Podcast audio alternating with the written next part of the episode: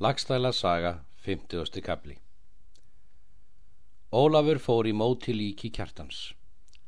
Hann sendi menn söður til borgar að segja Þorstein Egilsinni þessi tíðindi og það með að hann vildi hafa styrk af honum til eftirmáls. Ef stórmenni slægist í móti með ósvíðursónum, þá hvaðst hann allt vildu eiga undir sér.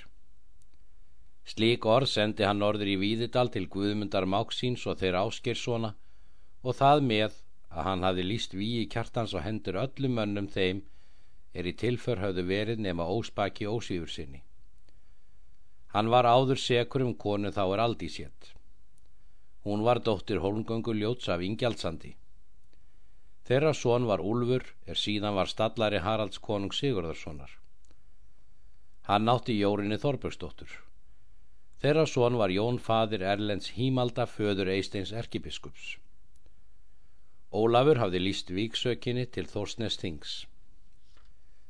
Hann let flytja heim lík kjartans og tjálta yfir því að þá var engi kirkja ger í dölum.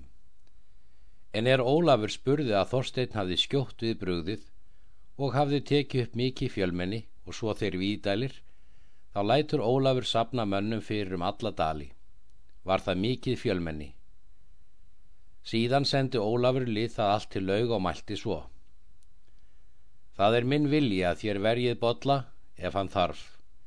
Egi verð en þér fylgi mér, því að nær er það minna ætlan að þeir þykist nokkuð eiga eftir sínu hlut að sjá við hann, utan hér að smennir, en nú munu brátt koma á hendur oss.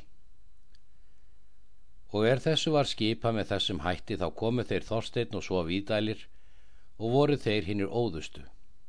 Eggjaði Hallur Guðmundarsson mest og Kálfur Áskirsson að ganga skildi að botla og leita ósífur svona þar til er þeir fyndust. Og sögðu að þeir myndu hvergjur hér að þið farnir.